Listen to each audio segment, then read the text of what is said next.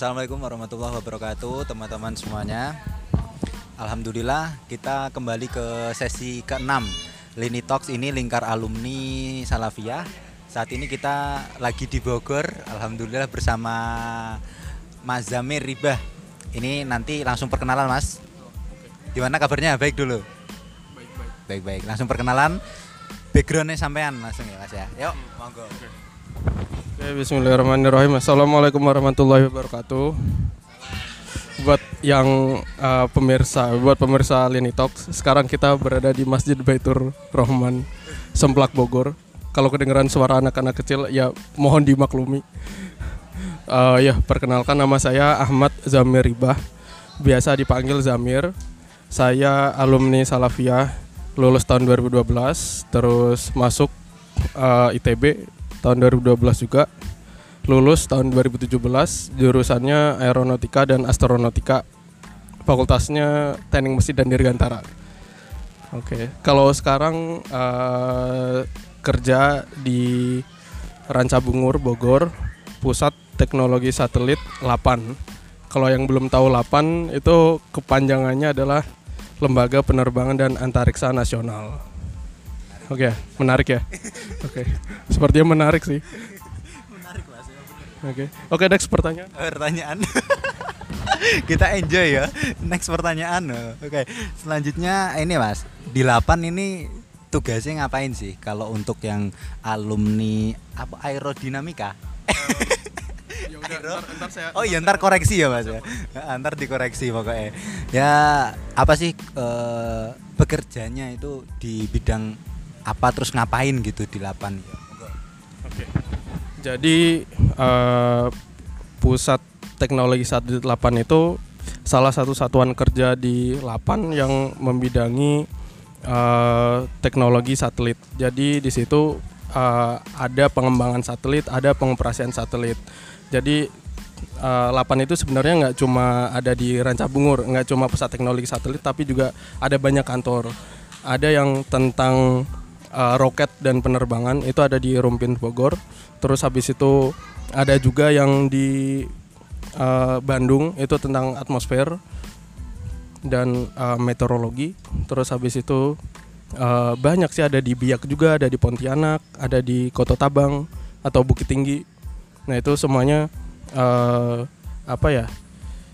Ada antena juga di sana untuk uh, operasi satelit, ada juga uh, untuk balai pengamatan antariksa dan cuaca biasanya.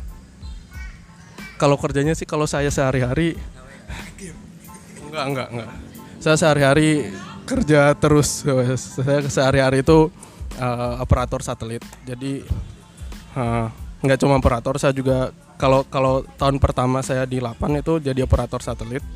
Terus tahun keduanya itu saya jadi supervisor dan mission planner. Jadi di situ saya uh, bertanggung jawab untuk uh, membuat uh, rencana misi harian satelit 8 Terus dari tadi saya ngomongin satelit 8 mulu. Pemirsa Leni Talks tahu nggak itu 8 punya punya satelit atau, atau bahkan nggak percaya kalau Indonesia punya satelit gitu. Nggak percaya. Oke, saya batuk dulu. Jadi uh, Indonesia itu sudah bisa membuat satelit uh, satelit 8 itu ada tiga yang pertama itu satelit 8A1, 8A2 dan 8A3 ya sesuai urutan peluncurannya lah ya. Kalau 8A1 itu sudah meluncur tahun 2007. Sekarang udah umur ke-13. Jadi uh, tahun 2007 itu 8 itu bekerja sama dengan uh, TU Berlin di Jerman untuk mengembangkan satelit uh, mikro. Satelit mikro itu satelit yang kecil lah di bawah 100 kilo. Terus uh, tahun 2015 apa 14 saya lupa. Nanti teman-teman cari di Google aja 8 8 8 A2 apa di apa keywordnya itu uh, kerjasama dengan Orari. Orari itu organisasi radio amatir Indonesia.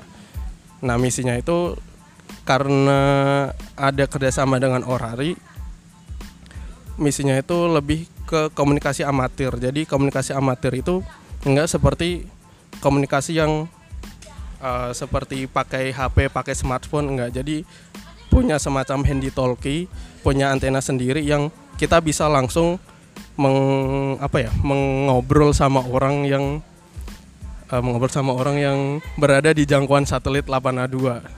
Contohnya misalkan uh, saya punya handy talkie di Bogor terus uh, Abidin punya handy talkie juga yang punya antena juga di daerah mana gitu. Tapi dalam satu area satu area enggak satu provinsi lebih luas lagi sebenarnya lebih luas lagi.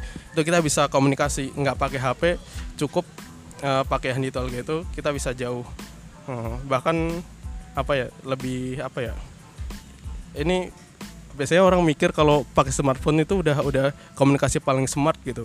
Cuman kalau ada kejadian misalkan kebencanaan kan atau enggak pas kemarin lampu mati se Indonesia eh se, se Jawa se Jawa Bali ya masalah nah itu benar-benar komunikasi nggak bisa. Terus apa tower tower uh, BTS nggak bisa. Tower tower yang uh, ya tower itulah ya lah ya. Tower tower komunikasi itu nggak bisa sinyal nggak bisa. Nah uh, salah satu alternatif komunikasi itu bisa pakai uh, sat ya satelit amatir komunikasi amatir itu.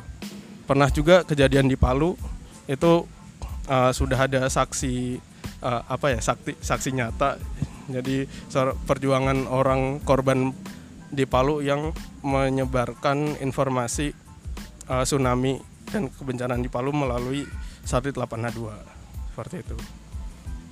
Masih masih ada masih ada satu lagi masih ada satu lagi. 8 jadi 8A2 uh, 8A2 itu ini 8A2 tadi 8A2 sekarang 8A3 sorry 8A3 itu uh, kerjasama dengan IPB.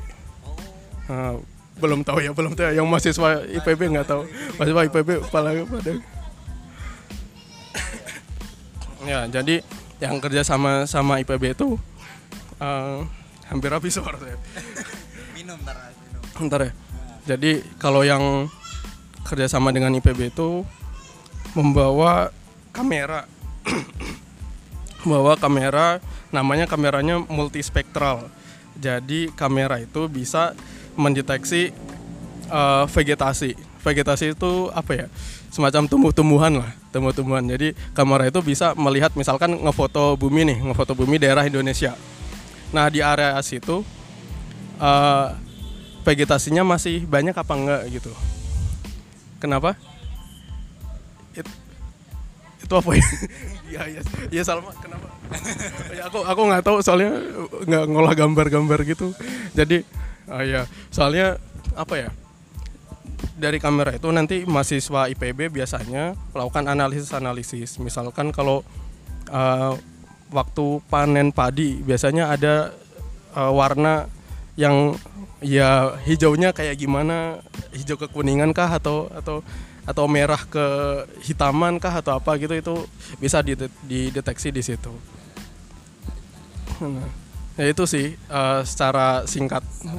Ya, tapi panjang ya tadi, sorry. Next, pertanyaan. Pertanyaan. Wah, ini lanjutnya. Uh, ini kan kalau untuk kita yang orang biasa, Mas. Kalau orang yang biasa yang ya meskipun nggak mempelajari ilmu keantariksaan atau ya pokoknya kita semuanya lah masyarakat biasa itu mengetahui kegunaan apa ya yang kita rasakan sehari-hari itu apa sih sebenarnya dari teknologi antariksa ini kayak gitu. Kalau kegunaan sehari-hari ya, ya yang paling gampang itu GPS sih. Itu yang paling itu yang paling gampang. Soalnya GPS itu setiap HP uh, eh, ada GPS, ada GPS yang kita bisa batuk dulu sorry. ya GPS kan sebenarnya itu satelit ada 32 lebih sekitar 32 satelit di luar angkasa. Dan mereka mendeteksi lokasi uh, posisi kita uh, posisi mulai dari apa posisi apa ya kalau ngomongin koordinat kayaknya susah. Ya pokoknya koordinat ya kalau kalau teman-teman uh, yang ini paham, paham. yang paham yang paham koordinat tahulah ya posisi x z atau apa. Bisa juga mendeteksi kecepatannya ketinggiannya itu bisa. Nah itu salah satu contoh. Terus secara umum sih misi satelit itu yang paling uh, yang paling umum itu komunikasi. Komunikasi itu udah dari dulu kalau teman-teman Lini Talks tahu eh, sejarah dulu ada satelit Palapa. Nah, itu nah itu buat komunikasi. Terus apalagi ya? Satelit ada banyak. Terus kemarin-kemarin ada juga satelit Telkom berapa 3S atau berapa eh, berapa S gitu nomor serinya saya lupa. Itu juga untuk komunikasi. Ada juga BRI Sat itu untuk halo. Eh tadi ada ada cameo. Oke. Ya ada fans nah itu satelit BRI ya untuk eh, apa jaringan perbankan gitulah oke diamankan dulu tasnya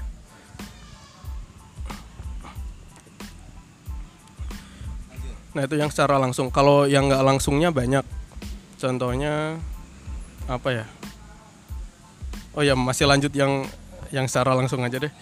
Masalah cuaca, cuaca BMKG itu memanfaatkan satelitnya Jepang, Himawari, satelit Himawari. Jadi satelit Himawari itu dia uh, mendeteksi potensi hujan di uh, area yang dia cover. Untungnya Indonesia masuk area yang di cover sama uh, satelit ya satelit Himawari Jepang. Jadi BMKG uh, manfaatkan itu.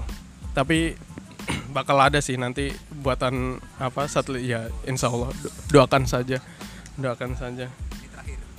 Oh ini terakhir ya. Sebelah cepet ya. Ini cepet sekali ya waktunya karena kalau di style apa podcast itu 10 menit kerasa kayak ini. Langsung ini Mas, apa namanya? Closing statement lah. closing statement. Jadi eh, buat pemirsa Lini Talks yang mungkin ngerasa dunia antariksa itu dunia yang nggak terjangkau sama eh, pemikiran. Sebenarnya itu ke- kejangkau aja sih sebenarnya. Cuman sebenarnya sekarang kan internet mudah terus apa banyak hal di antariksa juga yang menarik untuk dijelajahi. Mungkin ya eh, ini sih kalau untuk belajar antariksa itu jangan sampai terjerumus lah.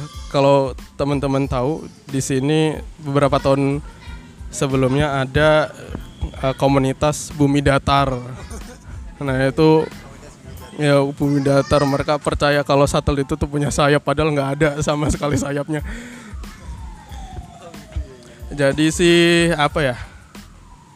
Eh, ini cukup jadi pengetahuan aja teman-teman. Kalau misalkan tertarik bisa berkunjung ke Pusat Teknologi Satelit 8 ada di Ranca Bungur. Coba teman-teman cari di Google Maps kan.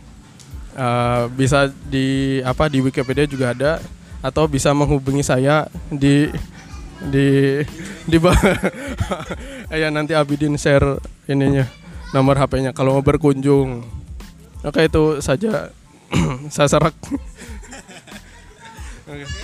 Ya udah udah udah cukup. Terima kasih ini ngobrol kita alhamdulillah sudah selesai. Wah. Cukup sekian. Wassalamualaikum warahmatullahi wabarakatuh.